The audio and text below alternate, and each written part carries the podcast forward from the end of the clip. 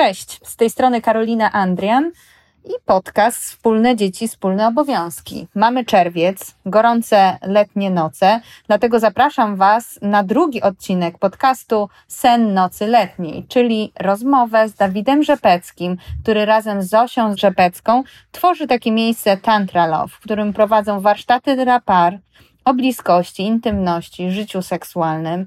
W tej rozmowie wypytuję Dawida, jak zadbać o tą bliskość, jak zadbać o swoje życie seksualne. Skupiamy się na młodych rodzicach, ale jest to rozmowa uniwersalna, z którą możecie wykorzystać dla swojego związku w każdym, naprawdę każdym etapie. Zapraszam Was bardzo serdecznie. Weźcie wodę, może kieliszek wina i razem wspólnie posłuchajcie tej rozmowy. Podcast Wspólne Dzieci, Wspólne Obowiązki. Rozmawiamy o partnerstwie w związku, dzieleniu się opieką nad dziećmi i obowiązkami domowymi oraz o innych wyzwaniach i przyjemnościach rodziców. Witam Cię serdecznie, Dawid. Witajcie, witam Ciebie. Bardzo Ci dziękuję, że udało Ci się znaleźć ten czas. Wiem, że Zosi nie udało się dołączyć, ale Ty będziesz reprezentował zarówno Zosię, jak i siebie. Witam Cię w podcaście mhm. Wspólne Dzieci, Wspólne Obowiązki. Będziemy rozmawiać o intymności, o życiu seksualnym rodziców, głównie na tym się skupimy. Nagrywamy ten podcast w maju, ale on zostanie odtworzony w czerwcu z myślą o takich ciepłych nocach czerwcowych, które przynajmniej mi się kojarzą z takim bardzo przyjemnym czasie bliskości, intymności i różnych ciekawych. I nocy rzeczy. kupały. Tak, tak, dokładnie takich fajnych wydarzeń, myślę, dla osób zakochanych, dla par w związkach, no ale też myślę, że też może i nie zakochanych, ale wtedy dużo się wydarza i można wiele osób ciekawych spotkać na swojej drodze. A my przejdźmy może do, do tematu naszego spotkania. No, chciałam z Tobą porozmawiać o tych parach partnerskich, dlatego że zgodnie z badaniami GUS-u już 58% Polaków deklaruje, że takim preferowanym modelem dla nich życia jest taki związek partnerski, czyli jest to tak e, definiowane, że oboje rodziców e, i pracuje zawodowo, realizuje się zawodowo, ale też dzieli się i obowiązkami domowymi, i opieką nad dziećmi. I my dotarliśmy do takich badań, w których pokazane jest, że takie pary partnerskie no, mają są twardsze. Zresztą w Islandii jakby obserwowano, badano pary po wdrożeniu urlopów rodzicielskich dla ojców. Te pary są twardsze, e, rzadziej dochodzi do jakichś konfliktów, no a w tych naszych badaniach jeszcze znaleźliśmy, że są bardziej usatysfakcjonowane z życia seksualnego. Czy jak to wygląda z Twojej perspektywy? Ja już w intro powiedziałam, czym się zajmujecie, ale może też zanim odpowiesz na moje pytanie o tych partnerskich związkach, jakbyś jeszcze dwa słowa powiedział, może o tym warsztacie, którym teraz prowadzicie, bo udało mi się Was złapać w trakcie chyba jednego warsztatu i zaraz drugiego. Wiem, że bardzo trudno się dostać. Kiedyś bardzo chciałam się zapisać na warsztat do Was, ale terminy były strasznie odległe i jeszcze mi się nie udało. Ale powiedz dwa słowa o tych warsztatach. Teraz dzisiaj zaczynamy warsztat sekstantryczny dla par, ale to jest też tak, że wiele osób mam gdzieś z tyłu głowy sekstantryczny, to pewnie będzie jakaś wyrafinowana Kama Sutra.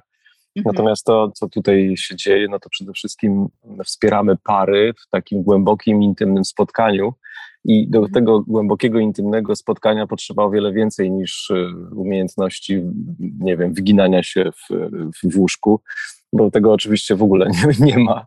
Także my pracujemy głównie nad tym, żeby, żeby najpierw jakby usprawnić komunikację w relacjach, następnie wzmocnić i, i odbudować albo w ogóle zbudować bliskość, i dopiero potem e, spotkać w takiej przestrzeni intymności, bo dopiero na tych trzech filarach, jak my to mówimy, trzech filarach dogranej pary, możemy w tej seksualności spotkać się w pełni, nie tylko na poziomie genitalnym, tak, czyli pocierania się i sprawiania sobie wzajemnie przyjemności, ale też na poziomie serca, ale też i na poziomie pełnej świadomości, czyli w takim e, pełnym zaufaniu, otwarciu i szczerości, uczciwości i takim też przede wszystkim jakości obecności, czyli że będąc razem w tym intymnym spotkaniu, jesteśmy w pełni w nim, tak, całym sobą, całą sobą, swoją istotą, co oznacza, że nawet jeżeli pojawiają się, a pojawiają się często różne wyzwania w łóżku, i to nie tylko chodzi o jakąś tam sprawność, czy mhm. większą lub mniejszą przyjemność, tylko jakby seksualność wiąże się z tabu, wiąże się z różnymi nadużyciami, nie tylko u kobiet, chociaż oczywiście więcej tych nadużyć takich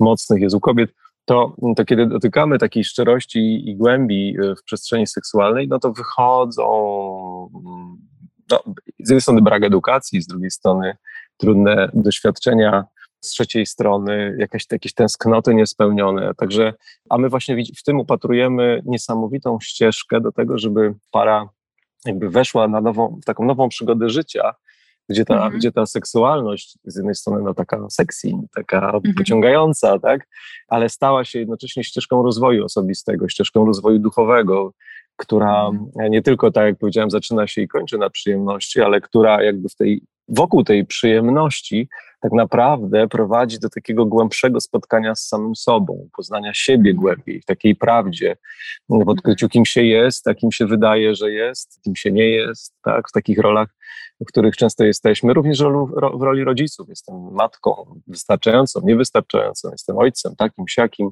Te wszystkie rzeczy, te mhm. wszystkie role, te wszystkie bagaże naszych doświadczeń wnosimy do relacji, wnosimy do związku i już ostatecznie wnosimy też do łóżka. Więc dla nas to łóżko jest trochę takim wytrychem, czy takim, takim no, miejscem, które przyciągając naszą uwagę i dając jakąś obietnicę, motywuje nas tak naprawdę do głębszej refleksji nad swoim życiem i też takiej pracy nad, nad swoimi historiami osobistymi, nad, nad, nad relacją. I tak jak mhm. powiedziałem, no, sprowadza się to naprawdę do poprawy komunikacji, do zbudowania czy odtworzenia bliskości, aby odtworzyć czy wzmocnić ten ogień namiętności. I to jest piękne, bo widzimy pary, które są ze sobą parę miesięcy, ale to one są napędzane jeszcze takimi hormonami, wiesz, zakochania, ale widzimy pary, które przyjeżdżają do nas starsze od nas 30 lat razem i mają tą intencję odbudowania czy poszukania ognia namiętności na nowo i też mhm. się czegoś e, dla siebie dowiadują. Także mhm. no, jest to taka praca bardzo szeroko zakresowa, no, która rzeczywiście na koniec dnia, że tak powiem, kończy się nie tyle w łóżku, co kończy się w otwartym sercu, w takiej miłości, mhm. w takim wsparciu siebie wzajemnie, w takim pełnym oddaniu sobie i, i takie pary rzeczywiście mają szansę, wierzymy w to zresztą, że, że długoterminowe y, związki mają duże szanse na to, żeby zbudować szczęśliwy związek, który się będzie latami wspierał. No ale potrzebne są do tego rzeczywiście narzędzia, y, jakieś chęci, nadzieja. No i myślę, że te narzędzia, chęci, nadzieja tutaj ludzie na tych warsztatach znajdują. Mhm. A wracając do tych y, takiego partnerskiego modelu par, czy z Waszego punktu widzenia, z Twojego punktu widzenia, mhm. Waszej pracy, no też, no, nie wiem, setki, tysiące par chyba już przewinęło się przez te warsztaty. Też napisaliście, niedawno wyszła książka, jakiś czas temu, ale ona jest jeszcze mhm. E, bardzo świeża, o życiu seksualnym rodziców. Jak z Waszego punktu widzenia wygląda? Czy właśnie takie mhm. partnerstwo jest jakimś czynnikiem znaczącym, czy nie? No, absolutnie jest. Przy czym warto też, myślę, mieć takie, z naszej perspektywy warto wiedzieć o co chodzi, może tak powiem. Bo nie chodzi nam o symetryzm, o może tak mhm. tak powiem.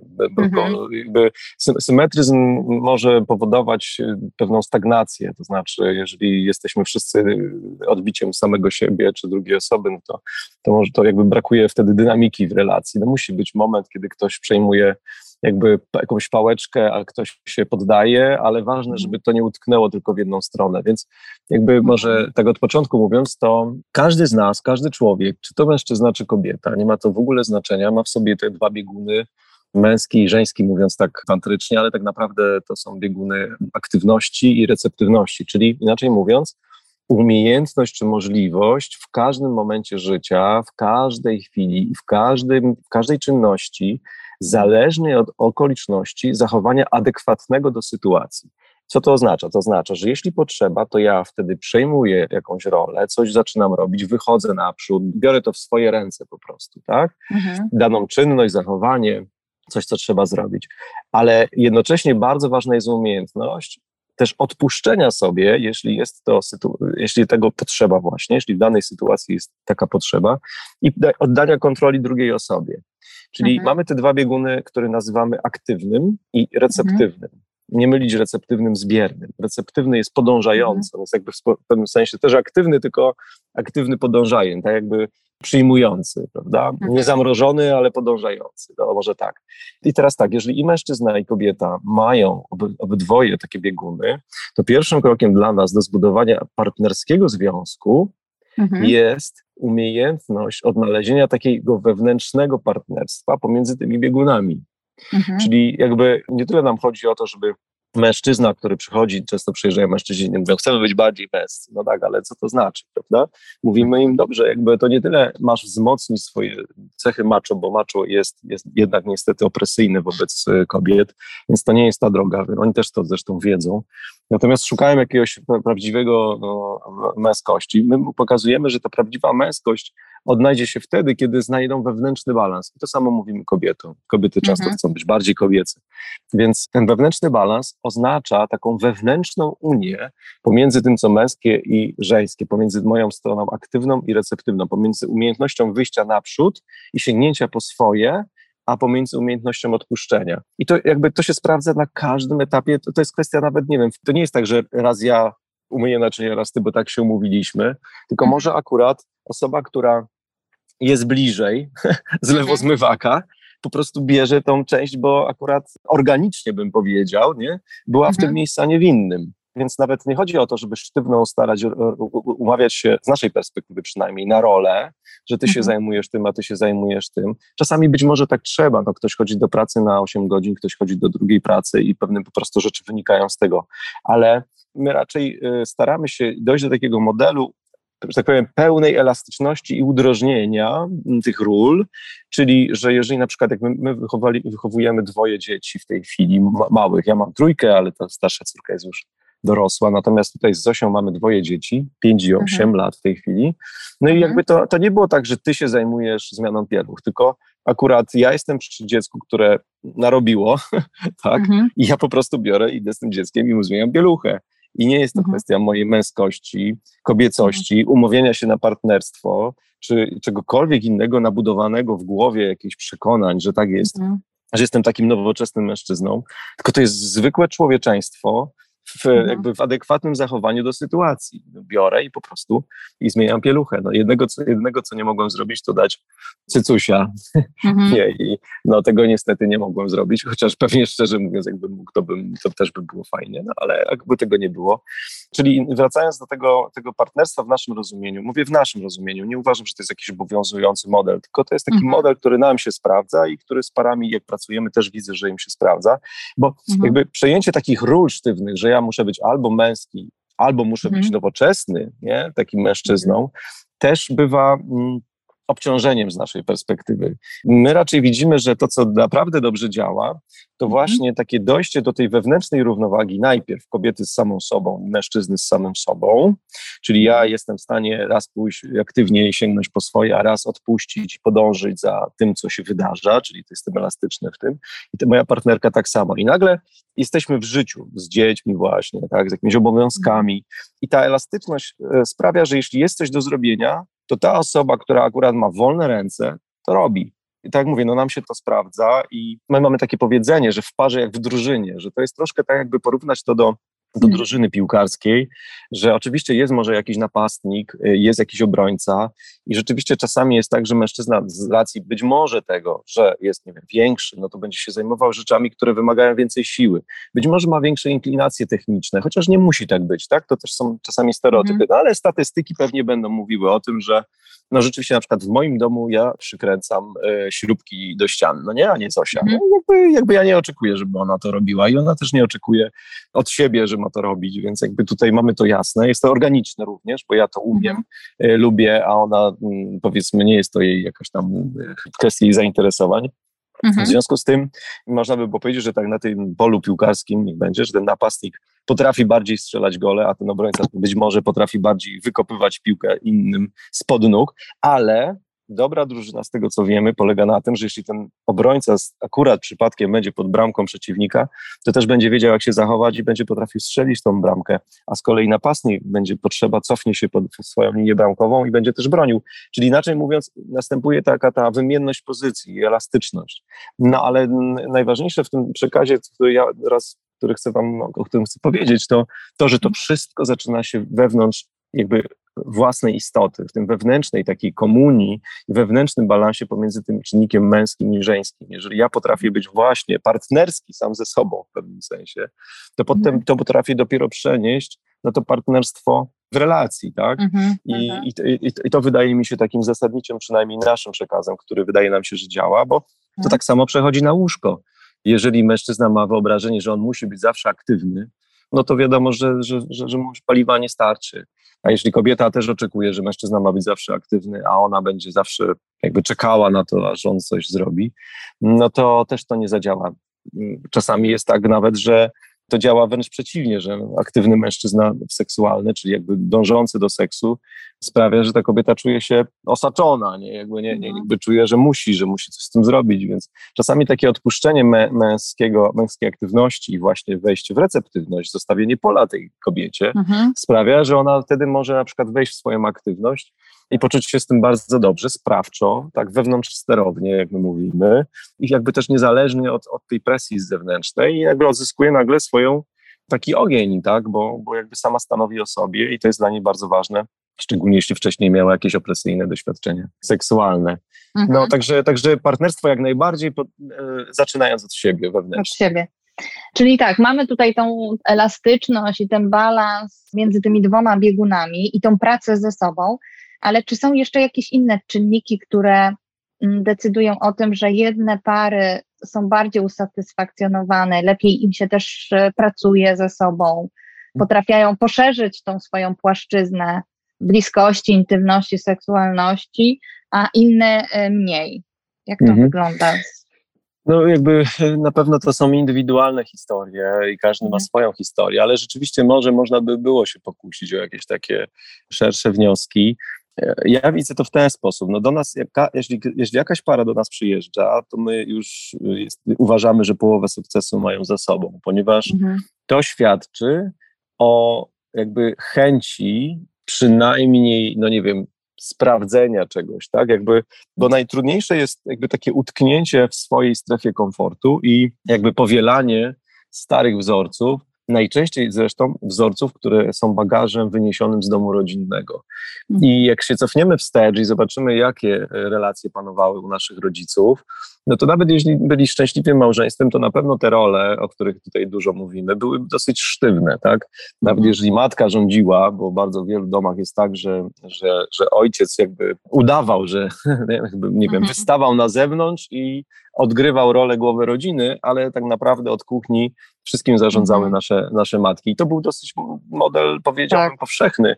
I jakby ja myślę, że w ogóle my w Polsce mamy, może nie tylko w Polsce, ale naprawdę w Polsce to wyraźnie widać, że jakby ten, ten patriarchat jest naprawdę i płytki, i taki kruchy, bo e, za sterami, że tak powiem, wielu rzeczy i wielu decyzji mhm. takich stoją kobiety, które no ciężko, też pracując, ale też jakby brały na siebie odpowiedzialność za nie tylko prowadzenie domu, ale bardzo często za odpowiedzialne decyzje i, i za wychowanie dzieci, więc większość nawet mężczyzn w tej chwili jest wychowanych bardziej przez kobiety niż przez swoich ojców. To jest zresztą mhm. olbrzymi deficyt u mężczyzn, którzy tęsknią za, za ojcem, nawet mhm. jeżeli bi, był w domu, to często był e, nieobecny duchem, albo pracował, albo odchodził, albo ginął jeszcze kiedyś wcześniej na wojnie, albo pił, co jest bardzo mhm. powszechnym takim naszym tutaj, e, że tak powiem, na, naszą bagażem pokoleniowym. Więc jakby mężczyźni wychowani, większość z nas było wychowanych przez matki, przez nauczycielki w szkołach, tak? Jakby głównie kobiety zachowywały się wychowywaniem mężczyzn. I teraz ważny jeszcze taki kawałek, ja trochę wrzucę tutaj taki kamyczek mocny i, i, i jeżeli nie granat, to jakby w tym całym procesie odzyskiwania swojego takiego potencjału męskiego, kobiecego i spotkania się w partnerstwie. Rzeczywiście, może to jest jeszcze ważny taki statement, bym powiedział, że żeby mężczyzna i kobieta spotkali się w partnerstwie, to mhm. y, to, co powiedziałem wcześniej, jest ważna ta wewnętrzna elastyczność, ale oprócz tego jest ważna taka wewnętrzna dorosłość. To znaczy, każdy indywidualnie potrzebuje najpierw poczuć wewnętrznie swoje życie, swoją moc, swoje granice, swoje potrzeby. Każdy z nas potrzebuje umieć te potrzeby wyrazić i mhm. y, o te potrzeby zadbać, jednocześnie stawiając wyraźnie granice również swoim partnerom. Jeżeli są dwie istoty, mężczyzna i kobieta, silne w sobie, to dopiero wtedy są w stanie stworzyć partnerski związek. Jeżeli jest taka sytuacja, a tak jest najczęściej, że mamy niedojrzałość w relacjach, niedojrzałość osobistą i u mężczyzn, i u kobiet, jesteśmy po prostu jakby niedojrzali do takiego, do budowania stabilnych relacji, no to te, ten związek potem jakby jak jest fajnie, no to działa, ale jak się pojawiają konflikty i wychodzą na wierzch jakieś zranienia, to wychodzą na głos takie zranione dzieci, które mhm. bardzo często y, jakby dalej się raniąc, tak, obrażając się na siebie albo obrzucając się różnymi historiami, no, jakby pozostają w takim ciągłym zranieniu. Także, żeby zbudować partnerski związek, to co, to co mówiłem, nie chodzi o to, żeby ustalić reguły zewnętrzne, to ty robisz to, ja robię to i kto to ustala tak w ogóle, nie?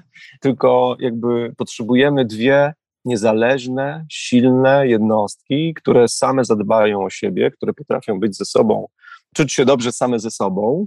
Nie mhm. są też w takim oczekiwaniu, że jak spotkam tego partnera, to on mnie zbawi. Jak spotkam mhm. tą partnerkę, to ona jakby, nie wiem, też mnie zbawi, może tak. Częściej mhm. kobiety mają takie oczekiwania, ale, ale te oczekiwania są po obydwu stronach. Więc jeżeli mamy jakiekolwiek oczekiwania, że ten partner nas dopełni, uzupełni, nie wiem, mhm. E, coś zrobi takiego, że ja będę szczęśliwy, to do, dopóki mamy takie przekonanie, to ten związek nie ma szansy być szczęśliwy tak naprawdę w pełni. No bo mówię, przez chwilę jak jest fajnie, to będzie fajnie, ale w sytuacjach konfliktowych wyjdą z, mhm. z nas te niedojrzałości, te zranienia, to niedopatrzenie, że tak powiem, niezadbanie o siebie. Także mhm. jakby takim ważnym elementem budowania zdrowej, szczęśliwej relacji partnerskiej jest to, że każdy podmiot w tej, w tej relacji, czyli mężczyzna i kobieta na przykład, bo oczywiście mogą być pary e, jednopłciowe na tej samej zasadzie, potrzebujemy sami ze sobą być w takiej wewnętrznej, nie tylko elastyczności, tak jak powiedziałem, ale też wewnętrznej dojrzałości. Dojrzało, dojrzałości. I to jest jakby bardzo ważne. I teraz jeśli mogę, to wrócę do tej historii, co zacząłem mówić, że mhm. jeżeli chłopcy wychowani są przez matki, przez mhm. kobiety, przez nauczycielki, a te kobiety, matki, nauczycielki bardzo często noszą zranienia od mężczyzn, bo to są mhm. zranienia pokoleniowe, to, są, to jest tak, tak zwany transgeneracyjny bagaż, tak, że mhm. nawet jeżeli, jeżeli ta nasza matka nie była jakoś bezpośrednio ofiarą krzywdy przez jakiegoś mężczyznę, to jej matka, jej babka, jej prababka, prababka no nie ma możliwości, żeby uniknęła jakiejś krzywdy. Po prostu ten system tak był stworzony, że te kobiety miały tą wewnętrzną, zewnętrzną presję z, od mężczyzn i często doznawały krzywd. W związku z tym, kiedy pojawiał się chłopiec w rodzinie, bardzo często one chciały nie jakby zobaczyć jego siłę i męskość, tylko jakby odebrać mu trochę tą jego jakby wewnętrzną męską moc, ponieważ bały się tej mocy, tak? Bo ta moc się mhm. wiązała z przemocą, kojarzyła się z przemocą. Więc wiele matek i tych nauczycielek i tak dalej, kobiet, raczej w wychowaniu chłopców używało kastracji emocjonalnej, tak, e, tych chłopców, którzy wyrastali w takim poczuciu, że okej, okay, ta męskość moja jest jakaś nie okej, okay, jest przemocowa, jakby i trzeba uważać na emocje kobiet i, i wyrastają tacy panowie, którzy troszkę są pozbawieni swojej takiej siły męskiej zdrowej, i z, z, dwóch powodów. Nie było ojca, który był zdrowym wzorcem, no bo mhm. tak mówię, albo go nie było, albo był pijany, albo coś tam. Na pewno nie stanowił zdrowego wzorca męskości, więc mhm. nie wiem, jak ten wzorzec wygląda. A z drugiej strony mam e, silną, kastrującą matkę, która mówi, nie, mówi, mówi mi nie wprost, ale poprzez swoje zachowanie, twoja męskość jest niebezpieczna do kobiety tylko z kwiatkiem i tak dalej. Masz, masz słuchać kobiet. I wzrasta taki mężczyzna i jest pogubiony, tak? On jest pogubiony, więc jest w takiej niedojrzałości ze swoją mm, partnerką już jako dorosły człowiek niby, ale jakby wciąż ma takie przeniesienie y, uczuć i emocji na matkę, czyli to, że, że ta, ta jego partnerka jak się skrzywi, jak coś zareaguje, jak jak go w jakiś sposób potraktuje na zimno, no to on wtedy jakby te, ma takie poczucie, jakby jak w dzieciństwie jego matka e, się zachowywała, więc się może wycofywać albo buntować, albo robić inne niedojrzałe reakcje, które mu zostały jeszcze z wcześniejszych mm. takich strategii obronnych. No i tak samo jest z drugą stronę. Dziewczynki szukały ojca, e, potrzebowały silnego, zdrowego ojca, oczywiście silnej, zdrowej matki również, no ale akurat tutaj ten wątek utrzymuje w tej narracji, no i nagle mają tego swojego partnera i, i okazuje się, że ten partner nie, nie, nie, nie spełnia tych oczekiwań, w związku z tym wraca ten stary przekaz od matek, że no mężczyźni to, no to mhm. tacy są, jacy są, więc trzeba ich po prostu poustawiać i rzeczywiście wchodzą same w rolę matki, które matkują tym chłopcom i mówią im, co mają robić. I nagle mhm. mamy po prostu toksyczną relację niedojrzałych ludzi, którzy żyją w przeniesieniach właśnie mm, i projekcjach na swoich rodziców w związku z tym to nie wróży dobrze i to nie wróży partnerstwa. I nawet jeżeli z zewnątrz ustalimy sobie, że urlop macierzyński mamy porówno i że ty będziesz mhm. zachowywał się tak i tak, to bardzo często niestety ja obserwuję taki element, że mhm. to ta kobieta mówi temu mężczyźnie, że oczekuje tego partnerstwa i w związku z tym ona mu mówi, co on ma robić. Nie? To ty mhm. teraz wywieź pranie, to ty teraz przewiń dziecko, tak. to ty teraz zrób to, to teraz zrób tamto. No i on jakby no, robi to w, w, dobrym, też często w takim jest dobrym mniemaniu, znaczy chce pomóc, chce być y, aktywny, zresztą jest wychowany właśnie być może przez silną matkę, a słabego ojca, więc pewnie jakby jest to, jest to mu jak w domu się czuje, mm -hmm. no nie, też mu mama mu mówiła, co ma robić, to teraz mu żona mówi, co ma robić i mają takie poczucie tego, że być może to jest takie partnerskie, bo on przewija, nosi, nosi dziecko na rękach mm -hmm. i, i w ogóle jest wszystko super, ale no nie jest super, bo w takim związku absolutnie ta bliskość a szczególnie namiętność wygaśnie. No bo tutaj nie ma dwóch silnych osób, które by zaiskrzyły ze sobą partnersko właśnie. Czyli ta partnerskość jest w zasadzie tylko i wyłącznie zorganizowana wokół y, organizacji. Przestrzeni domowej, przy czym na ogół zarządza tą, tą przestrzenią domową ta kobieta. kobieta. Mm, no i ja wiem, że to może tak trochę, mm, tak jak mówię, no, granacik do ogródka, ale... E, Nie, słuchaj, wiesz co, no dla nas mhm. to, co mówisz, jest niezmiernie ważne mm, i wiele z tych rzeczy jest mi e, bardzo bliskie. Rzeczywiście najprościej, prawda, zdefiniować partnerstwo jako podział, no nawet nawet nie chodzi o równy podział, no ale po prostu podział obowiązków, podział no, urlopu, tak? Ale rzeczywiście to takie głębsze przekonanie i wiedza, dlaczego my to robimy, ta dojrzałość wewnętrzna, dlaczego ja to robię. Nie dlatego, że, bo rzeczywiście trochę mi się przypomniały, robiliśmy grupy fokusowe z młodymi rodzicami i też osobami, które mają zostać rodzicami, oddzielnie mężczyźni, oddzielnie kobiety. Rozmawialiśmy właśnie o tych urlopach rodzicielskich i o tym, jak będą, jak postrzegają to rodzice, te dodatkowe urlop dla ojców, to, który ma wejść, nietransferowalny. I, I rzeczywiście pojawiły się tam, jak ja słuchałam tych męskich grup, bo oczywiście mnie to bardziej interesowało, bo to tak trochę nie z mojego świata, to tak ciekawie się słucha. I tam pojawiały się takie zdania od mężczyzn, że no kobiety to teraz oczekują takich partnerskich mężczyzn, no to ja teraz nie zaimponuję jej tymi starymi rzeczami, że zreperuję kontakt, bo ona sobie może zadzwonić po elektryka, mhm. no to ja przybiorę dziecko, ugotuję i tak dalej.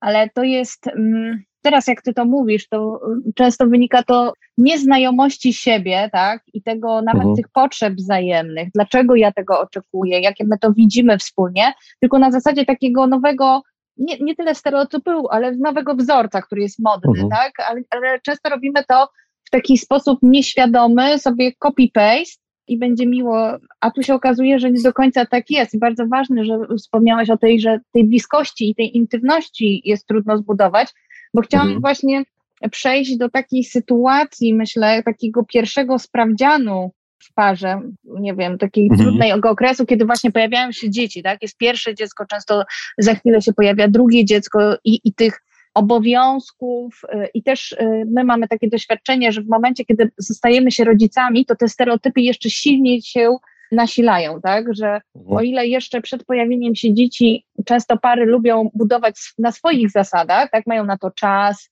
przestrzeń, jeszcze ta elastyczność, mamy takie wrażenie, jest, to w momencie, kiedy pojawiają się dzieci, to te stereotypy, no jakby ta wizja, co to znaczy być dobrą matką, co to jest, co to tak. znaczy być y, dobrym ojcem, bardzo mocno tutaj zaczyna grać. I często pary spotykają się ze ścianą, tak? Bo z jednej mhm. strony mamy te nowe mm, wymagania, z drugiej strony te stereotypy mocne. Jesteśmy wrzuceni w ten kierat obowiązków, bo prawda, dziecko trzeba nakarmić, trzeba przewinąć, tutaj nie da się tego przełożyć i pojawia się taki pierwszy, no, ogromny kryzys. Często psycholodzy mówią, że ten taki paliwa związanego z tym, że pojawia się dziecko, starcza na dwa lata. Tak? Tego paliwa mhm. wynikające z nowej sytuacji, z tego, że to jest, y, pojawia się ktoś nowy w rodzinie, jest nowy system, jest świeżo, fajnie, coś nowego, ale tak mówią, że często po dwóch latach ten paliwo się wyczerpuje, no i co dalej? Tak, szczególnie, że dziecko wchodzi w etap buntu dwulatka i już jest w ogóle. A my jesteśmy zmęczeni, my jesteśmy niewyspani, nie było czasu porozmawiać o tych swoich potrzebach. Często no inne pojawiają się też potrzeby, no jest inny system, funkcjonujemy. Zupełnie inaczej mhm. się rozmawia o, o potrzebach, jak człowiek jest wypoczęty, wyspany, a zupełnie inaczej y, ta dynamika wygląda w momencie, kiedy no, no zderzamy się ze ścianą. Tak, często tak jest, że, że po prostu jesteśmy wykończeni, y, zmęczeni, sfrustrowani. No i teraz wy napisaliście o tym książkę. Y, jak w takich sytuacji właśnie, w takiej no, bardzo trudnej sytuacji no, wejść w ten dialog, tak? Zacząć nad tym pracować, odnaleźć siebie nad tą elastycznością, tymi biegunami. Jak to z Waszej perspektywy wygląda? Od czego tu zacząć? No, jakby w ogóle zacznę od tego, że y, to jest takie nasze doświadczenie, chociaż może trudne być do przyjęcia, ale no, myślę, że nie tylko mhm. nasze, to można się z tym spotkać chyba w biznesie i tak dalej. Ludzie słyszę, że też mówią o tym. Kryzys jest trampoliną do rozwoju. Mhm. Jest naprawdę dobrą okazją do tego, żeby, mhm. żeby jakby skorygować nasze, na, nasze działania, bo kryzys świadczy o tym, że coś starego przestało już działać nie o niczym więcej, tak? I że potrzebujemy pewnych, pewnej właśnie elastyczności, jakby nowego otwarcia, wejścia w nowe buty. Kryzys to jest, mm, rosną mi stopy, buty zostały te same, bolą mnie i mam kryzys, bolą mnie nogi, trzeba coś z tym zrobić. No więc taka mhm. tkwienie na siłę w starych butach może tylko e, zniekształcić stopy i jakby skończy mhm. się katastrofą. Więc wszyscy bardziej lub mniej przeżywamy kryzysy rozwojowe, dzieci przeżywają kryzysy rozwojowe, więc trzeba po pierwsze e, mieć taką, takie przekonanie i dobrze mieć takie przekonanie, że kryzys jest częścią rozwoju i jest potrzebny, jest dobry. Mhm. Natomiast no, e, niedobre jest tylko taka próba mm, odsunięcia czy zaprzeczenia i, i, tak powiedziałem, zostania w starych butach. Natomiast jeżeli wyjdziemy temu naprzeciw, i razem mamy, to, to jest taka chyba ważna rzecz, że razem w tym jesteśmy, no to mhm. wtedy możemy na każdą, na każdą rzecz zareagować e, w jakiś sposób bardziej adekwatny. Oczywiście na początku możemy być bardzo pogubieni, no tak jak powiedziałem, jeżeli nie mamy swoich wzorców dobrych z własnych domów rodzin, bo to jest podstawa, no jeżeli mieliśmy dobre mhm. wzorce rodzinne, no to, no to wtedy będziemy wiedzieć, jak to robić, bo, bo po prostu y, nauczyliśmy się jakoś poprzez modelowanie, obserwacje i tak dalej. Ale mhm. no, trzeba niestety przyznać, że większość z nas tych dobrych wzorców nie miało, więc my troszkę po omacku szukamy siebie na nowo, no i co z tym zrobić? No, na, na, szczęście no, można sięgać gdzieś i szukać, coraz więcej osób jest otwartych na to żeby pójść na terapię, żeby pojechać na warsztaty, żeby poczytać jakąś książkę. Ci, którzy słuchają tego podcastu, też należą do tej grupy, bo te osoby, które nie są tym zainteresowane i będą stały w starych budach, to pewnie nawet nie zajrzą tutaj, nie? Także jak, jak, jak, jak mnie teraz słuchacie, no to już jesteście w połowie wygrani, bo świadczy to po prostu jakiś, jakiś otwarciu się na nowe y, horyzonty, na nowe spojrzenie, to świadczy o jakiejś mhm. potrzebie. Zresztą jak jest kryzys, to my te, wtedy też tak naprawdę dopiero wtedy zaczynamy się rozglądać, tak, jak, jak, tu, jak tutaj sobie pomóc. Więc mhm. pierwsza rzecz, która jest potrzebna, to wspólne zauważenie, że taka jest sytuacja, jakieś takie przyznanie się do tego, że o, o, nie, chyba mamy przed sobą challenge, nie? Mhm. Nie musimy tego nazywać negatywnie, bo są osoby, które nie lubią y, takiego języka, więc jak nie kryzys, no to wyzwanie, nazwijmy to, mhm. nie? Mamy nowe wyzwanie, mamy challenge, no dobrze, i co? No i jak sobie radzimy? No czasem lepiej, czasem gorzej. No dobrze. To może potrzebujemy jakby, no nie wiem, wzmocnić się w tym, nie? nauczyć się czegoś nowego. Jakby jeżeli jesteśmy w tym razem, to jest mhm. jakaś szansa na, na, na to, żeby coś z tym zrobić i potem można zrobić dużo rzeczy, zaraz o tym powiem. Ale tu już jest pierwsze wyzwanie, czy obydwoje jesteśmy w stanie się przyznać do tego, prawda? Bo czy obydwoje razem jesteśmy, w, czy obydwoje jesteśmy w stanie być w tym razem. Mhm. E, my często powtarzamy, tutaj przyjeżdżają pary i, i na przykład mają kryzys na warsztatach. Bardzo często to się wydarza, bo jest to element właśnie warsztatu. Zresztą wywołujemy laboratoryjnie sytuacje, mhm. które jeżeli jest tam coś niedziałającego, to właśnie wtedy to pokazuje się. No bo na tym to polega, no nie? Jakby, żeby, żeby to wyszło i wtedy można zobaczyć, co to jest i to uleczyć. Więc mhm. tu się mhm. na warsztatach dzieją takie rzeczy, że para dotyka jakiejś sytuacji, która nagle jest dla nich wyzwaniem, no ale wtedy my mówimy, słuchajcie, nieważne jest nawet to, czy sobie z tym świetnie poradziliście, czy sobie nawet według was nie poradziliście. Ważne jest to, że byliście w tym razem.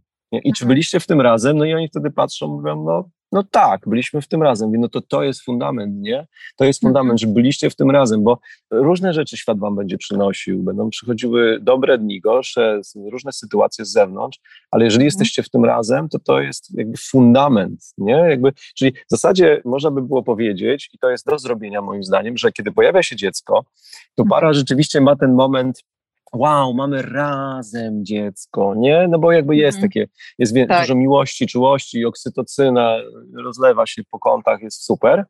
Natomiast tak jak powiedziałaś, w tych ciągu tych dwóch lat nagle niestety, statystycznie też, wiele par zaczyna być tak przejętych, zajętych jakby z, z organizacją teraz tego dziecka, przewijaniem, karmieniem, mhm. łóżeczkami, dodatkową pracą, trzecim etatem, nie?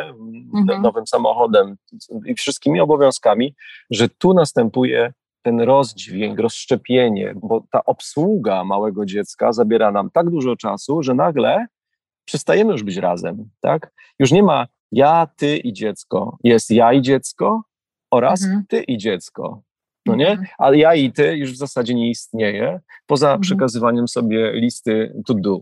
I to jest jakby mm, podstawa wielu takich poważnych kryzysów, a nawet rozpadów relacji, właśnie dlatego, że w tym pierwszym okresie, kiedy pojawia się dziecko, to by powinien, powinien być okres gniazdowania tak zwanego, czyli w zasadzie zbliżenia się i dawania sobie tak dużej bliskości, żeby to dziecko miało dom, ale uwaga, nie po, polegający na tym, że mam super pokoik i wymalowane ściany i tysiąc tak. zabawek, a tata ma, kupił nowe, większe auto, bo wszyscy się muszą zmieścić, tylko ten dom oznacza dom mhm. emocjonalny, oznacza mhm. dom w postaci bliskości, w postaci miłości, czułości. Tego dziecko potrzebuje. Naprawdę dziecko będzie tak samo szczęśliwe w małej klitce i starym mhm. mieszkanku, niż jak w wielkim złotym pałacu. Nie? Jakby to, co robi różnicę, to bliskość z rodzicami, którzy są ze sobą blisko, modelują też tą mhm. bliskość i z tym dzieckiem blisko. To jest ten dom rodzinny i to jest moment, w którym rzeczywiście wiele par się gubi, bo bo zaczyna, zaczyna jakby zbytnio przejmować się z zewnętrznym budowaniem gniazda i obowiązkami, a traci z pola widzenia z siebie nawzajem. No więc to jest ten pierwszy moment. I teraz jakby trochę pytałeś, co z tym można zrobić. No, no właśnie, jakbyś za... tutaj, tak, wiem, tak. Że, że słuchacze, no szczególnie młodzi rodzice i znaczy no chyba każdy człowiek łasy jest na takie mhm. recepty tak, i rady, tak. które wiemy, że w sumie nie działają. Ja, ja, ja podchodzę do tego mhm. w ten sposób, że może myślę sobie, dobra, to jest inspiracja, tak? Może mnie to mhm. zainspiruje, żeby pójść dalej, a może poszukać. Więc mhm. jakbyś nam trochę tutaj zainspirował. Jasne. Szczególnie te w takich kryzysach, które myślę, że często myślą, że już koniec. Mhm. No tak, rzeczywiście, no jakby czasami ciężko jest zobaczyć jakieś światło e, w mhm. tunelu, ale ja mam takie poczucie naprawdę, to jest hmm, po tych latach doświadczeń i rzeczywiście pracy z tysiącami par, mam, mam naprawdę przekonanie, które wynika z tego doświadczenia, że większość, większość, ale taka 90, coś par wywala się na banalnych rzeczach. I że mhm. naprawdę nie trzeba przewalać Himalajów łopatą, żeby odbudować relacje, że po prostu czasami to są jakby jakieś takie niewłaściwe kolejny, w które wpadliśmy i że, mhm. że, że rzeczywiście wyskoczenie z tych kolejn na chwilę i zbudowanie nowych wzorców wymaga mhm. potem pewnej takiej behawioralnej, że tak powiem, cierpliwości do wy mhm. wykonywania nowych nawyków i tak Tu jest dużo też takich wyzwań, ale, ale sam moment takiego otwarcia oczu i, jakby mhm. serca i, i przekierowania się na nowe tory nie jest taki trudny, dlatego że to tam jest, jakby to cały czas tam jest. To, to, nie trzeba naprawdę jechać w Himalaje na 10 lat i medytować w jaskini. Czasami wystarczy jedno, jeden taki jakiś błysk rozpoznania, mm -hmm. który ja jestem świadkiem takich błysków bardzo, bardzo często. I one już jakby sprawiają, że para wraca na właściwy tor. Potem dopiero mhm. oczywiście zaczyna się praca nad utrzymaniem i zadbaniem o ten błysk, że tak powiem, na to mhm. tego też są mhm. narzędzia, ale ten pierwszy, mówię o tym, żeby też zachęcić i dać nadzieję, że to, to naprawdę nie, da się, da się, no w większości to się udaje, więc, więc mhm. dlaczego miałoby się i wam nie udać? Mówię do tych, którzy ewentualnie słuchając szukają takiej nadziei. No i dobrze, i teraz co tu jest bardzo ważne? No pierwsze, niestety no w większości takich momentów ważne jest rozpoznanie, że jest się w kryzysie i przyznanie tego, to co już mhm. powiedziałem. Drugie można by było rzeczywiście nazwać, co, na czym to polega? No właśnie na przykład na tym, że jesteśmy tak bardzo zajęci obowiązkami mm, rodzicielskimi, że mhm. jakby zabrakło nam trochę czasu dla siebie.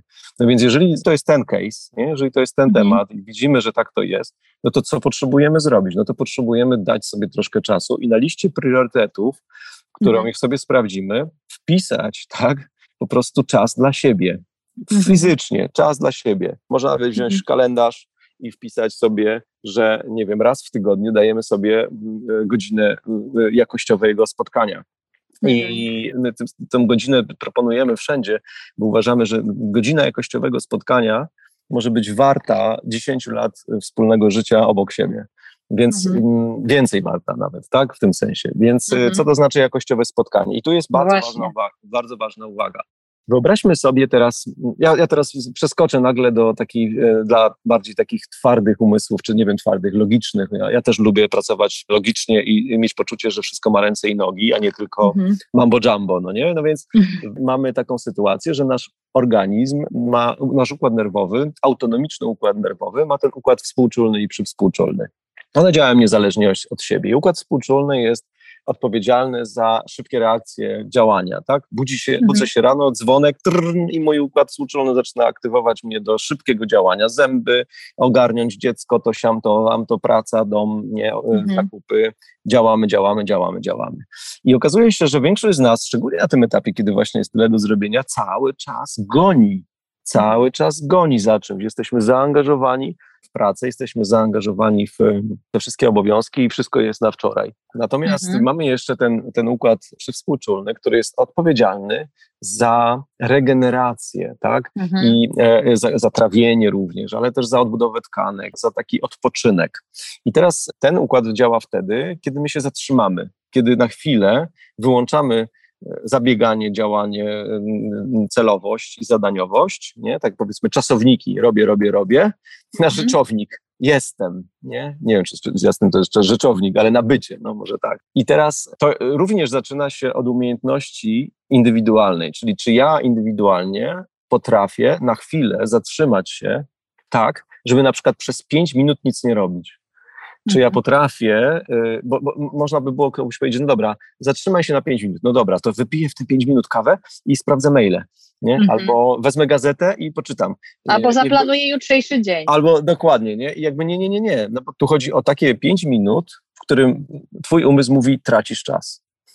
I rzeczywiście 5 minut, y, w którym e, e, umysł mówi, tracisz czas, to nie będzie strata czasu. Bo jeżeli ty się na 5 minut zatrzymasz, to może nastąpić rzeczywiście proces regeneracji, może nastąpić tak naprawdę napełnienie paliwem i możesz mieć siłę potem na to zadaniowość, jak już tak potrzebujesz motywacji logicznej. Ale dlaczego ja o tym mówię?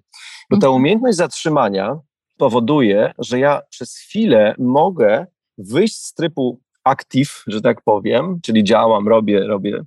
Nie mam mhm. mnie w tym tak naprawdę, bo jestem zaangażowany w cel, jestem bardzo w głowie wtedy i, i, w działaniu, na przestrzeń obecności, w której ja mogę skontaktować się w ogóle sam ze sobą. Czyli zaczyna się proces bliskości ze sobą. Mhm. Tak? Jestem, oddycham, mogę poczuć, że żyję, mogę poczuć w ogóle, może jakieś emocje są we mnie niewyrażone, które, które tam nie dopuszczałem, bo nie miałem czasu ich zauważyć. Może mogę, może, może mogę poczuć jakieś potrzeby, które tam za tym stoją. Potrzebę odpoczynku, potrzebę napicia się wody w większej ilości, nie wiem, mhm. potrzeby bliskości, jakieś coś tam się we mnie dzieje, i jeżeli ja nie daję sobie prawa na, na, na, zatrzymanie i na kontaktowanie się z tym, to bardzo mała szansa, że mi się uda skontaktować i spotkać w bliskości z partnerem. Więc znowu mhm. wszystko zaczyna się od siebie. No więc jakby pierwszym krokiem, a propos tipsów i, i inspiracji, mhm. jest umiejętność znalezienia sobie codziennie takiej chwili, która polega na tym, że odkładam wszystko. Odkładam nawet picie kawy, odkładam gazetę, odkładam Facebooka, odkładam wszystkie rzeczy, nie słucham mądrych podcastów. Wszystko, wszystko wyłączam i po prostu siedzę i jestem, i jestem. Mhm. I wiesz, może być tak, że przez minutę będzie fajnie, po dwóch minutach zacznie się lekka frustracja, po trzech mhm. minutach zacznę już myśleć, Boże, tyle rzeczy do zrobienia, a ja tu siedzę bez sensu. Więc to będzie proces, ale mhm. y, jeżeli uda nam się przekonać samych siebie, i to, to, to, co powiedziałem, wyobraź sobie, że wtedy twój układ przywspółczulny zaczyna działać. Być może wtedy zaczynasz się regenerować. Pomyśl o tym w ten sposób. Pomyśl o tym, że to jest tak naprawdę jakby bardzo potrzebna rzecz w twoim ciele, ale i w twojej głowie, a tak naprawdę jeszcze głębiej idąc z takiego punktu już duchowego bardziej bym powiedział, to jest proces otwierania się na obecność, czyli że ja jestem obecny w rzeczywistości, ja ląduję w tym, co jest naprawdę, a nie tylko jestem w głowie i tam, gdzie i w celach, tylko mhm. zatrzymuję się i czuję, że jestem, że żyję, że jest ziemia. Mogę się wtedy rozejrzeć, mogę faktycznie zobaczyć, że kwiaty kwitną, że jest wiosna, że, że jest ciepło, że mi jest przyjemnie, albo że nie, że coś mnie boli. Jakby mogę zauważyć swoje istnienie i jest to bardzo, bardzo ważny etap, bo on jakby sprawia, że ja jestem w stanie rzeczywiście dotknąć swoich głębszych potrzeb, które tylko czekają, żeby je zauważyć. Jeżeli ja je zauważę, no to jest szansa, że zacznę je zaspokajać, jakoś dbać o nie. I jedną z tych potrzeb będzie bliskość z partnerem. Na pewno, prawda? No i wtedy ta godzina raz w tygodniu może polegać nie na tym, że my coś konkretnie robimy, idziemy do kina albo włączamy mm. Netflix, Nie, to w ogóle nie o tym jest. Możemy usiąść naprzeciwko siebie i złapać się za ręce i przez godzinę nic nie robić nawet, tak? Albo mhm. przytulić się i nic nie robić. Czyli bardziej być obecni ze sobą, niż razem coś dalej robić, bo razem robimy wiele rzeczy już, nie? No może nawet, y, bywa, że nawet i nie razem, bo ty robisz to, ja robię to, więc już zrobienie czegoś razem jest, jest już pierwszym zbliżające. Ale ja tu mówię mhm. o takim byciu przez godzinę razem, polegającym na tym, żeby dać sobie uwagę, obecność i, i to jest dodatkowy krok, czułość fizyczną. Czułość mhm. fizyczna jest zasadnicza w odbudowywaniu relacji. Czułość fizyczna oznacza czuły dotyk, i oznacza przytulenie, oznacza głaskanie, spojrzenie w oczy. Wiem, że to brzmi banalnie i romantycznie, ale znowu, powołując się na twarde badania naukowe, przy czułości fizycznej wydziela nam się oksytocyna. Oksytocyna jest hormonem więzi i miłości, tak się o niej mówi. Dlaczego? Dlatego, że jakby jeśli, jeśli wydziela nam się pod wpływem dotyku oksytocyna, to mamy poczucie, że ten, ta osoba jest dla nas ważna i buduje nam się takie poczucie, no, no można powiedzieć już wyż, wyższych uczuć, nawet można powiedzieć o miłości. Jak jest miłość, jak czujemy prawdziwą, głęboką, dojrzałą miłość, to w naszym ciele wydziela się oksytocyna. Mhm. Więc można to odwrócić, można jakby wywołać w pewnym sensie to, to uczucie właśnie poprzez stymulację oksytocyny, która zaczyna się od czułości. Jedynym mhm. ważnym elementem jest to, że taka czułość fizyczna sama w sobie nie może być traktowana jako gra wstępna do seksu, mhm. ponieważ rzeczywiście seks jest odrębnym tematem i zaraz do niego przejdziemy, ale zanim ten seks mo może być, nastąpić, to, to, to, tutaj potrzebujemy zwrócić uwagę, żeby nauczyć się nie raz w tygodniu, tylko codziennie dawać sobie małe elementy czułości, bo to raz w tygodniu to możemy się mówić właśnie na taką randkę z seksem, ale e, zaraz o tym powiem. Natomiast codziennie potrzebujemy wypracować sobie takie małe rytuały, zdrowe nawyki, kiedy co można zrobić? Kiedy budzę się rano, to pierwszą rzecz daję sobie buzi. I na początku relacji pewnie to było automatyczne, dawaliśmy sobie zawsze buzi, ale po tych dwóch latach po porodzie już pewnie nie. No nie, więc jakby, a gdyby to wprowadzić świadomie, powiedzieć, to jest ważne, ja robię to nie dlatego, że tak po prostu y, jestem zakochany, tylko że czuję, że to jest ważne. I, jak się, i co się okazuje, kiedy ja zacznę dawać sobie buzi, to raz, drugi, piąty, nagle staje się to ważne z powrotem zaczyna mnie to kręcić, zaczyna mnie to jakby, zaczyna mi się to podobać i chcę tego. Ja jestem 18 lat z Zosią i codziennie rano dajemy sobie buzi i codziennie wieczorem dajemy sobie buzi. Jak czasem nie damy sobie buzi, to mamy poczucie, że czego, coś tam nam umknęło. No trudno, jakby nie, zdarzy się, nie rozpaczamy, ale następnego dnia na pewno dajemy sobie do buzi. I mhm. jakby to są takie drobne gesty, które budują właśnie to poczucie bliskości. Jeżeli siadamy na chwilę razem na kanapie, to jak fajnie jest móc stopą dotknąć się stopy, jak fajnie móc sobie złapać się za dłoń, jak fajnie jest sobie położyć rękę na kolanie. I uwaga, nie prowadzi to do seksu. Nie ma prowadzić do seksu, bo chodzi o to, żeby zbudować przestrzeń czułości fizycznej, która nie jest grą wstępną. Dlaczego? No bo jeżeli nie mamy przecież codziennie ochotę na seks, nie? Szczególnie właśnie po porodzie, kiedy tam jeszcze dużo rzeczy się leczy na przykład, ale mamy potrzebę bliskości. No więc jeżeli jesteśmy w nawyku, że bliskość prowadzi do seksu, to co się dzieje? No może być tak, że kobieta na przykład nie będzie chciała, no bo tak, mężczyzna się do niej przytuli, pomizia i ona myśli sobie, aha, on tak. chce już tam, zaraz, a ja jeszcze nie czuję się gotowa. No więc co zrobi kobieta? No odsunie się, zajmie się czymś, powie głowa mnie boli, a muszę ogarnąć dziecko, a coś tam. I nagle wyślizguje się z tej sytuacji. Jemu rzeczywiście może być też o to chodzić, to jest prawda. Dlatego też ważne jest, żebyśmy obydwoje mieli taką świadomość, że bliskość, którą teraz budujemy na bazie czułości fizycznej, nie jest grą wstępną. Czyli on przychodzi do niej, przytula się, ona go głaszcze i przytula się do niego. I koniec, i zostają w tym. W ciele wy, wydobywa się oksytocyna, powoduje chęć bycia jeszcze bliżej, więc wstaną, zrobią coś, zrobią coś, nagle przy stole złapią się za rękę. I nie jest to romantyczny obrazek z komedii y, romantycznych amerykańskich, tylko to jest coś, co jest żywym, prawdziwym, fizjologicznie napędzanym mechanizmem, który buduje w nas takie poczucie więzi, bliskości mhm. i takiej chęci na to, i, i, tego poczucia, że jesteśmy dla siebie ważni. Także to jest arcyważne i to, to jest proste, to jest proste, to buzi rano, to złapanie się za dłoń, to pogłaskanie, a może taki krótki masaż, który nie trzeba umieć robić, tylko wystarczy, że położymy na siebie dłonie, na sobie dłonie i jakby powoli, delikatnie, subtelnie gdzieś pomasujemy.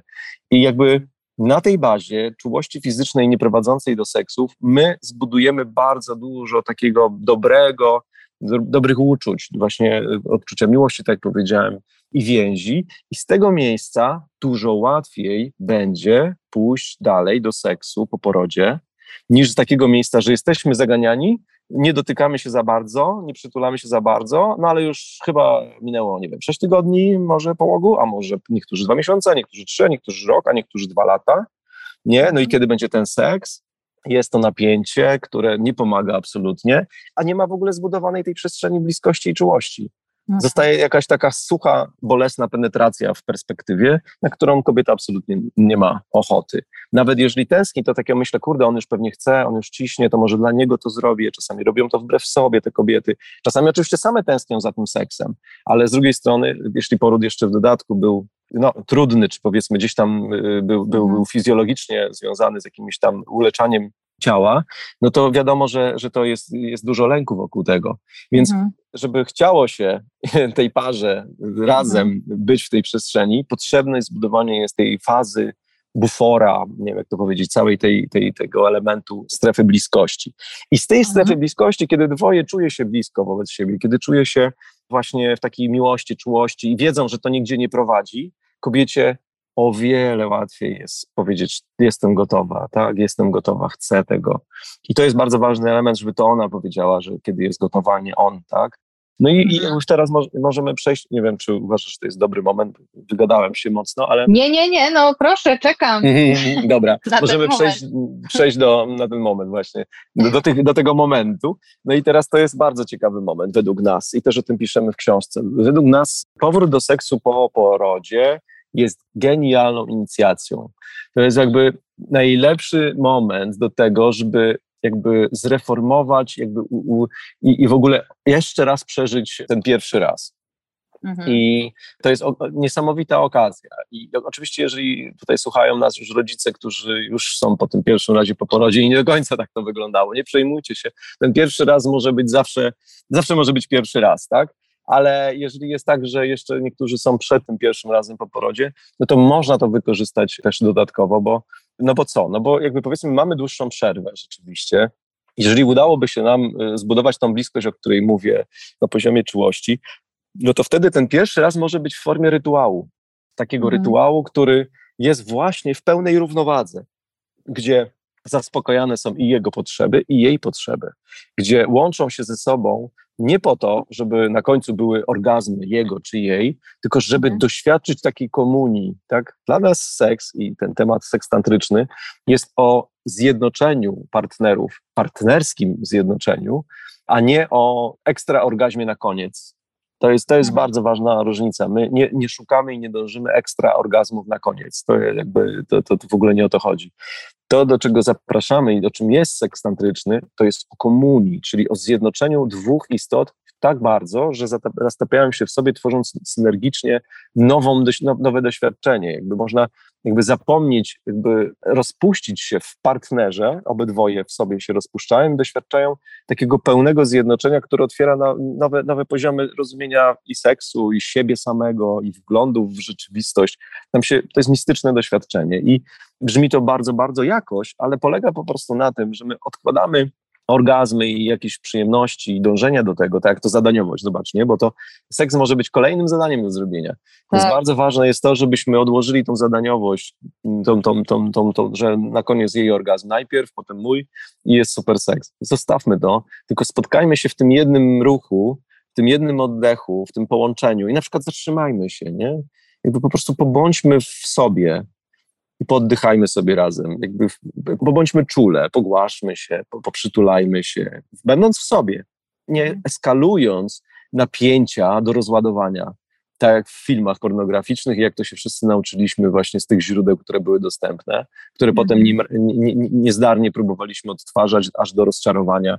Tylko jakby poszukajmy zupełnie nowej ścieżki, która jest oparta na bliskości, na miłości, na spotkaniu, i tam może, może się pojawić właśnie ta komunia, tam się może pojawić miłość, bo w seksie chodzi o miłość i o takie fizyczne, pełne, namiętne doświadczenie miłości. I jakby to jest możliwe właśnie wtedy, kiedy te dwie osoby się zatrzymają, zostawią te listy to do i, to, i zobacz, jak to mówiłem wcześniej, że to się zaczyna od samego siebie pięć minut bez kawy i Facebooka. Tam to się zaczęło. A kończy się tym, że spotykamy się razem w łóżku i właśnie przeżywamy moment obecności moment pełni, tak? moment pełnego bycia, zaangażowania, nie, nie uciekamy myślami, nie chcemy nic, żeby było inaczej niż właśnie jest, i w tak jak jest, w tym się roztapiamy, no nie?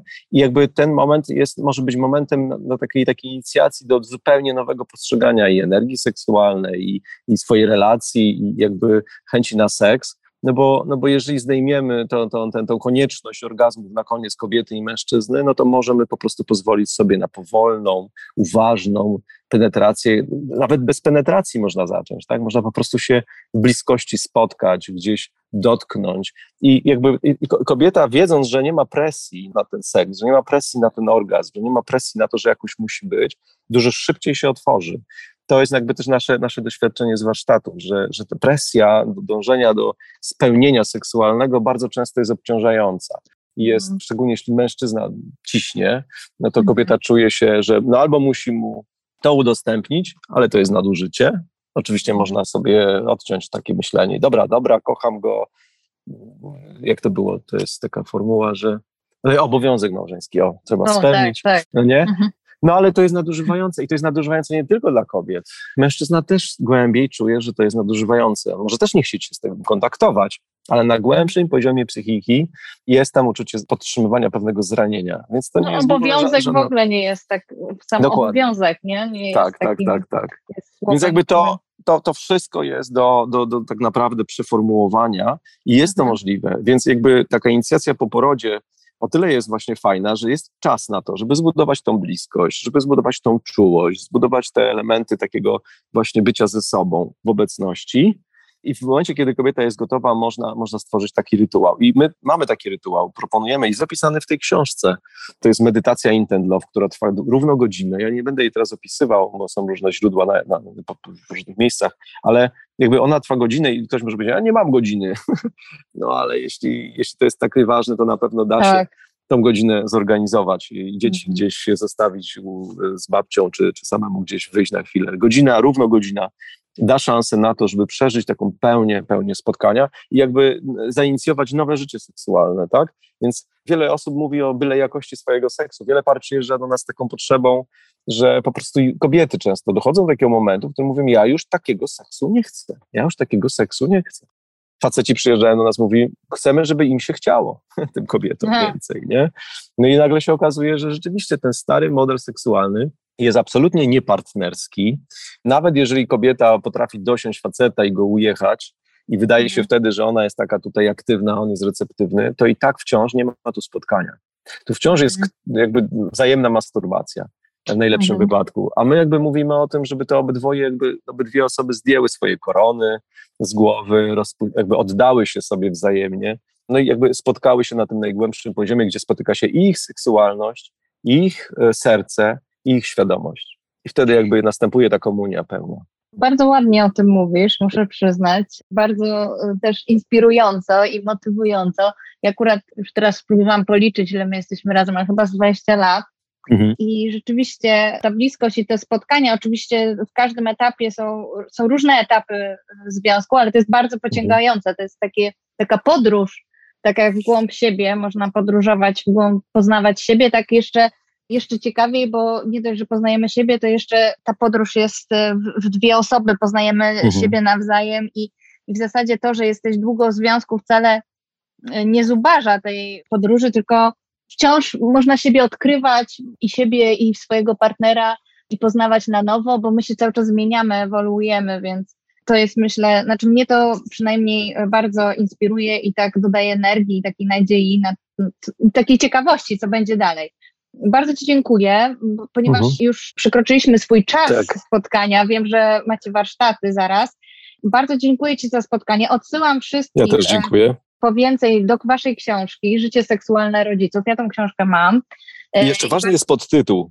Mhm, to powiedz. Jak budować, jak budować długoterminowe związki partnerskie. Bo to jest książka nie, nie tylko od razu dla rodziców y, po porodzie, chociaż ten wątek tutaj poruszyliśmy głównie, ale nawet jeżeli już macie odchowane dzieci albo nie macie dzieci, tak. a, a, a, szukacie jakiegoś takiej, tak jak powiedziałaś, inspiracji, no to ta książka jest dla wszystkich par, dla wszystkich par. Jak budować mhm. długoterminowe związki partnerskie? Dokładnie. No ja już właśnie mam, nasze dzieci są większe, a mimo wszystko bardzo inspirująca ta, ta książka dla mnie była, bardzo miło się to czytało. Teraz żałuję, że jednak nie wytrwałam do końca, żeby się zapisać na te warsztaty do Was, ale nic straconego, ciągle Nic robimy. straconego, tak. Jeszcze tak. mogę być w tej drodze, więc na pewno wrócę i się zapiszę na te za kilka lat. I w takim razie bardzo dziękuję. Odsyłam wszystkich dziękuję. do książki. Zachęcamy Was do tych spotkań, do inspirowania się i, i podążania tą drogą. I do zobaczenia. Jeszcze, jeszcze, jeszcze, mhm. może powiem, że też dla tych osób, które nie, do, nie dotrą na warsztaty, jak przeczytacie książkę i będziecie chcieli coś więcej, my jesteśmy w trakcie wypuszczania kursu online. Właśnie dla osób, które no, gdzieś o, chciałyby super. coś więcej niż książka, a jeszcze nie są gotowe, czy nie mają czasu na warsztaty.